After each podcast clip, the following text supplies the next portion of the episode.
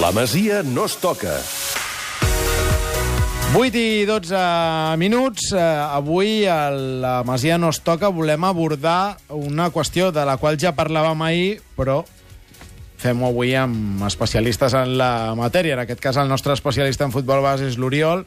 Ahir ja parlàvem d'aquesta solució de tirar del lateral dret del B. El problema és que el lateral dret del B que juga és Palència i el que no juga que és Nili, és el que convoca Luis Enrique. Em poso nerviós i li foto cops al micròfon. Llavors, què hem de fer, Oriol? Bueno, aquesta és una de les incongruències. primer de tot, primer de tot, abans d'entrar en la incongruència, si tu fossis l'entrenador del primer equip i no tinguessis lateral dret, quin dels dos pujaries? Jo València, Jo també.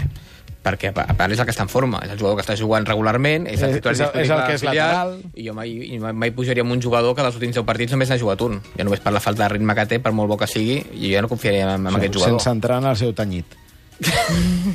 Veig que no... No, no, no és que no entenc res d'això. No? És un tema que m'escalfa. La Gemma diu que, No, és que és- que m'enfado amb ella. No, no, hi ha No, coses que No, no, a mi no, t'escalfes tu Ah, solet. val, Sí, però és, és que hi ha coses que és per escalfar-se. Mm. O sigui que el primer equip confiï en un jugador que és suplent al Barça B no té ni cap sentit. Cap. Val, però Aquí- aquí... aleshores aquí què és el que hauria de fer el club? Li hauria de dir al tècnic del primer equip mm, has de jugar en Palència? O li hauria de dir al tècnic del filial Jo crec que li hauria de dir al tècnic del filial posa Nili? que, que posi Nili. D'acord. Perquè jo crec que al final el que mana és el, és Però, el, tècnic, però, és el tècnic del primer però equip. tots estem És el d'acord que tècnic- el club hauria de fer alguna cosa.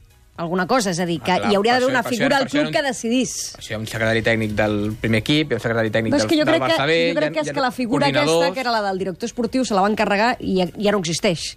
És a dir, no hi ha una persona que pugui decidir bueno, això. En, en aquest cas no hi ha director esportiu, com era en el seu cas Zubi, però en aquest cas és el Robert que hauria de, de decidir. Però és evident que si el entrenador del primer equip pensa que dels dos laterals drets que hi ha al Barça B, el millor és Nili, i és amb el que confiarà en el cas que tingui necessitat pel primer equip, aquest jugador ha de tenir ritme. I el ritme no, no s'agafa estant a la banqueta del Barça B. Yeah. En aquest jugador, encara que Gerard consideri que Palència és millor que Nili, doncs el que ha de jugar a lateral dret és Nili. Ahir-. Una cosa, és, és molt possible que si obliguen a Gerard a posar Nili a lateral dret, Palència sigui titular a lateral esquerra. Que a mi el preferiria abans que Era molt. com que- jugaven al principi de temporada. que és com van jugar, com van jugar molts Però partits. també, perdona una cosa, quan Luis Enrique era entrenador del B i Pep Guardiola del primer equip, els jugadors amb els que confiava Guardiola, Luis Enrique, perquè venien del primer equip i segons ell estaven distrets, Les deixava de- Sí, sí, banqueta. sí, és que no és un problema d'ara, és un problema que el Sí. club ja arrossega fa Ah, temps és, és un i, problema i que, que el club arrossega des de que Quique Costas, que és l'últim entrenador del Barça B, que ha tingut visió de club i que ha estat sempre al servei d'entrenar el primer equip, el Barça l'arrastra des de fa 7 anys, des de que van començar Guardiola, Luis Enrique, Eusebio, Sí, però al Gerard... final, la, la, no hauria, sense parlar entre ells, si- la lògica hauria de dir que si el, el titular és Palència, com dius tu, és el que està en forma i és, entre cometes, el bo, l'entrenador del primer equip s'hauria d'endur, s'hauria de fiar de l'entrenador filial i endur-se el Bueno, titular. però veiem, però si hi ha dos jugadors i ell es coneix els dos i considera que el millor dels dos és Nili... però no els coneix els Per dos, per quants dies ha entrenat Palència en el primer equip? Bueno, però, però, Un. Bueno, No, però, bueno, no. Bueno, però Un. el, el veu jugant al Barça B, i si no el veu Quants jugar dies ha anat a veure el Barça B? Si no, Zero. I, i, Això- i va un Zue, i Sí, va Joan això Barberà... té- Bueno, té- té moltes- Té, té criteri per decidir. Y el lunes en China, Bartomeu, hablando de modelo de club, va a ser divertido. Té, molt, Jo- jo- té això- moltes arestes. De Nili Palència, ho vam comentar també amb el tema de càmera, que Luis Enrique va pujar dos cops al primer equip per jugar a lateral esquerra i amb el Barça B jugava d'interior o d'extrem. Era una altra incongruència. Jo no l'altre dia tenia... comparava Palència amb el cas de Carles Puyol. Quan par- Carles Puyol arriba al primer equip, arriba per accident, perquè està descartat, perquè l'estarà a punt de cedir el Màlaga, a Bengal ningú li parla d'aquest jugador, i un dia se'l troba allà amb uns descartats per completar un partidillo, i diu, ostres, aquest, aquest animal, aquesta bèstia física, qui és? No, Puyol, per, de què juga? No, interior dret, lateral, i per què no el conec? Bueno, i se'l va quedar. Jo estic convençut que si ara un partit com aquest contra el Leganés no té experiència, bueno, la pot tenir, un partit com aquest Leganés a l'Sporting d'aquí una setmana i mitja el, el prova, el descobreix perquè no el coneix perquè ha entrenat un dia amb ells, estic segur que se'l queda. Coordinació, descoordinació, en aquest cas, entre filial i primer equip. En parlem amb una persona que ho ha viscut des de dins. Albert Benages, bona tarda. Bones tardes, com esteu? L'Albert Benages va ser durant molts anys, vaja, va, va ser de tot en el futbol base del Barça, però mm, va ser coordinador del, del futbol base i per tant sap millor que, que ningú eh, com funciona o com no funciona de vegades aquesta coordinació difícil entre el primer equip i, i un filial. Ara, no sé si ens estaves escoltant, Albert, parlàvem de què hauria de passar si l'entrenador del primer equip fiar-se del criteri de la- de l'entrenador del filial o a la inversa, el del filial eh, tirar del criteri que, que aplica l'entrenador del primer equip. Bueno, no és fàcil, eh, aquesta papeleta, ja t'ho dic jo. Depèn moltíssim de, de la sintonia que hi ha entre, entre els dos entrenadors, m'entens? Eh, en principi, tindria que haver una política de club.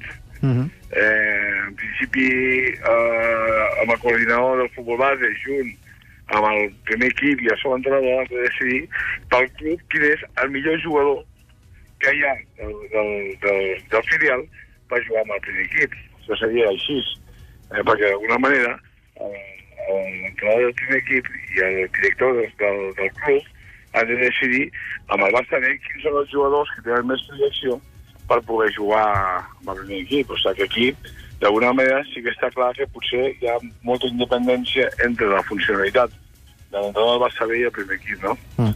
Però, però est- estem d'acord que no té, no té cap sentit, vist des de fora, que el, el tio que juga al filial no pugi al primer equip i, en canvi, un tio que no juga al filial sigui el que se'n va convocat amb el primer equip. No, no té sentit zero.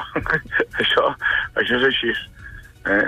El que passa és que, clar, l'entrenador del primer equip vol unes característiques que potser no quadren potser amb el que està jugant actualment, no? Però el que et deia, dir, el problema que hi ha és les línies del club, no? La línia del club és una i ha de ser molt clara. Jo recordo una miqueta que quan estava el Pep, amb, amb l'Euce, amb el- amb l'Alexanco i amb el Chiqui, es posaven d'acord molt ràpid, m'entens? Perquè hi havia una línia de club, una persona que era la que decidia, que era l'Alexanco, m'entens? I tots els altres pues, tenien que ballar una miqueta el que el club volia, no? Mm. a- Aquesta... Igual aquesta, digues, en perdona. aquest no, existeix massa, no? És el que va passar, per exemple, estava per la banda de Carles Puyol. Carles Puyol, pues, havia un entrenador del primer equip que era en, en Bengal, m'entens?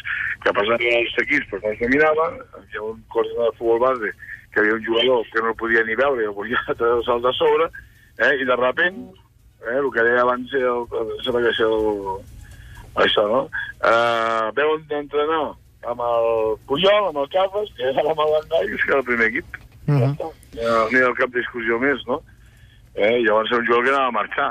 I com aquests casos hi ha més, eh? Hi ha més casos de jugadors que han estat a punt de marxar i després pues, s'han quedat i han triomfat, o al revés, jugadors que, que per exemple, jo havia insistit en que tenia que seguir el club, com podia ser el Trigueros o el Jordi Alba, i per decisió d'un entrenador pues, han tingut que marxar.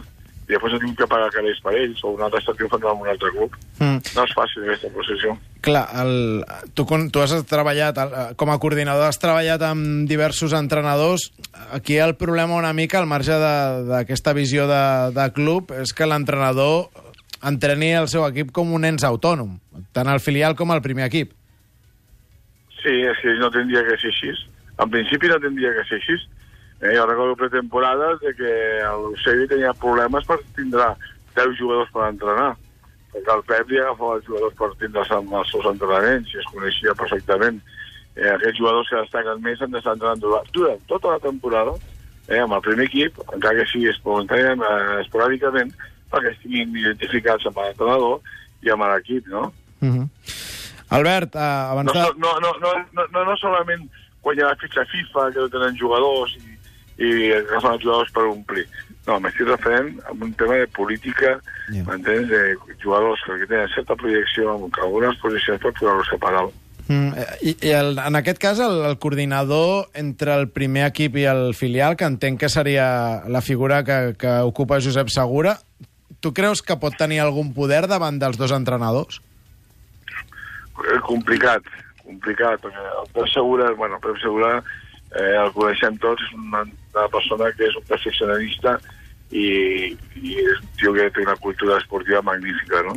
El que passa és de que quan estava l'Alexanco, l'Alexanco era un capità de la selecció nacional, un capità del primer equip del Barça, que va pujar una Copa d'Europa, i llavors quan dèiem una cosa, pues, tothom se l'escoltava, no? O sigui, al Pep li falta pues, això, aquest, aquest poder real per poder decidir aquestes coses, no? Mm. Per què? Perquè amb el primer equip del Barça, Barça ve un jugador com el equip, com el Gerard, i arriba a la Lliga, però esclar, una persona que no és de futbol professional li costa eh, ballar entre aquests, aquests personatges, m'entens? No és fàcil, no és fàcil. Albert, eh, abans d'acomiadar-te, com va per la República Dominicana? Molt bé, acabem de guanyar la Copa de la Illa, m'entens? Hem jugat nosaltres que som els campions aquí contra els campions d'Haití, Uh -huh. i hem guanyat el seu camp 0-2, hem quedat campions d'aquí, hem guanyat tres copes subcampió de la Lliga, i bueno, molt bé, molt bé, ja estem treballant per anar a la CONCACAF. Eh, La setmana que ve no l'altra, ens anem a Haití a jugar contra tres equips, i si quedem primers passem a la fase final. Aquí treballant. A veure si fem un Barça-Cibao, eh? Al Ah, final del doncs món. això és, tot és preguntar-ho al departament de màrqueting i si hi ha quatre duros, no dubtis que, que els tens allà a l'estiu vinent. Albert Benages, gràcies per ajudar-nos a, a analitzar aquest, aquesta distorsió entre futbol base i primer equip del Barça. Molta sort i una abraçada. Igualment a tots, eh? Que vagi molt bé. Adéu. Gràcies, Albert. Uh, ara, quan jo treia el nom del Pep Segura, he vist cares d'estranyesa. He dit algun per- disbarat? No, per, perquè no és el coordinador entre el Barça B i el primer equip. És el secretari tècnic del Barça B i dels juvenils. Igual que Robert Fernández, el secretari tècnic del primer equip. D'acord. És que no hi ha la figura no hi ha un d'enllaç no entre, hi ha un coordinador. entre els Jo, dos. és que jo crec que el, que el sistema com està fet ara el, el pla esportiu del Barça, jo crec que és erroni, i no ho dic per ara per aquest cas, sinó ho dic, vaig dir que el van instaurar. Mm. Jo crec que Robert Fernández ha vingut aquí i l'únic que ha volgut és encarregar-se del primer equip. És i... que ell no és director esportiu, ell és És això secretari del primer i equip. ho van aclarir des del primer Sí, sí. dia, eh? Sí, sí, però jo crec que que, ell només s'encarregava del primer que equip. un gran club com el Barça que ha de tenir una figura molt potent com, a, com era Totalment. Noé Zareta, director esportiu, i que sigui el responsable del primer equip, del Barça B, de tot el futbol base, Y que lo tenga todo en la cabeza. I que arribat un cas així pugui agafar els dos entrenadors i quadrar-los i que hi hagi una solució, no sé si la millor, però que tingui, tingui un sentit, que és el que no passa ara. Aquesta suposada figura eh, que ara mateix és el màxim executiu de l'àrea esportiva és Albert Soler, però que no compleix amb aquestes característiques, no té que aquest ja- perfil i a més també s'encarrega de les que-. Madrid tampoco lo tiene, no te preocupes. Ara aquest cas de Nili Palencia no, Madrid no veig, no veig qui, problema. qui, ho- qui ho pot resoldre, no, no, no veig quina figura haurà de dir o dir-li Gerard, escolta, que El problema és que no, hi- no hi ha no hi ha ningú ningú, amb ascendència respecte a Luis Enrique i Gerard com per, com per posar-los els dos d'acord, que vagin a fer un cafè i s'entenguin com a bons germans, però bé, de moment eh, continuarem amb Nili convocat i Palència jugant de titular. un últim apunt sobre els dos. Nili, perquè la gent no el coneix, és un extrem reconvertit en Sí, sí, defensa, per això. i Palència Això també pot ser important pel primer equip. pot ser important per si vols donar descans a Sergio Roberto en partits fàcils i vols un lateral ofensiu, té la seva certa lògica que convoqui Nili abans que València. Però si el que s'estava reclamant i el que buscava el Barça al mercat d'hivern era un lateral, un especialista per defensar en moments puntuals, llavors eh, el, el complement, en principi, per Sergi Roberto, per segons quins partits, hauria de ser Palència. Té una Nili. certa lògica si no fos perquè, perquè Aleix Vidal, que és exactament el perfil de Nili, un extrem reconvertit, l'hem tingut mitja Per això, per temporada això dic, allà per això dic que el que buscaves al desembre era un defensa especialista. I aquest el tens. També s'ha de dir en favor de Nili que porten un partit de primera divisió, que jo crec que és un factor... Porta, que- vaig mirar l'altre dia, porta 8 partits, del, dels quals 4 són... Un va ser sortint contra el Barça. Sí, va sortir al minut Vull 90. que ha entrat tota una temporada amb les palmes a primera Contra un divisió. Barça, vull eh, que- eh, que amb la un- parella de centrals, perdona, formada... Eh, vaig mirar l'altre dia, Vermeilen i no sé si era Matié o una cosa estranya Vull que, que bueno... pot haver sigut un factor que d'inici hagi fet que Luis Enrique hagi posat parella Eh, que per és el que va dir Luis Enrique, que tenia sí, més experiència. però en tenim partits com el Leganés o l'Sporting, fa jugar a Palència, els guanyaràs igualment i ja tindràs experiència primera. Que Sergi Roberto no s'encostipi fins al 3 de juny i que Déu hi faci més que nosaltres. Ara tornem.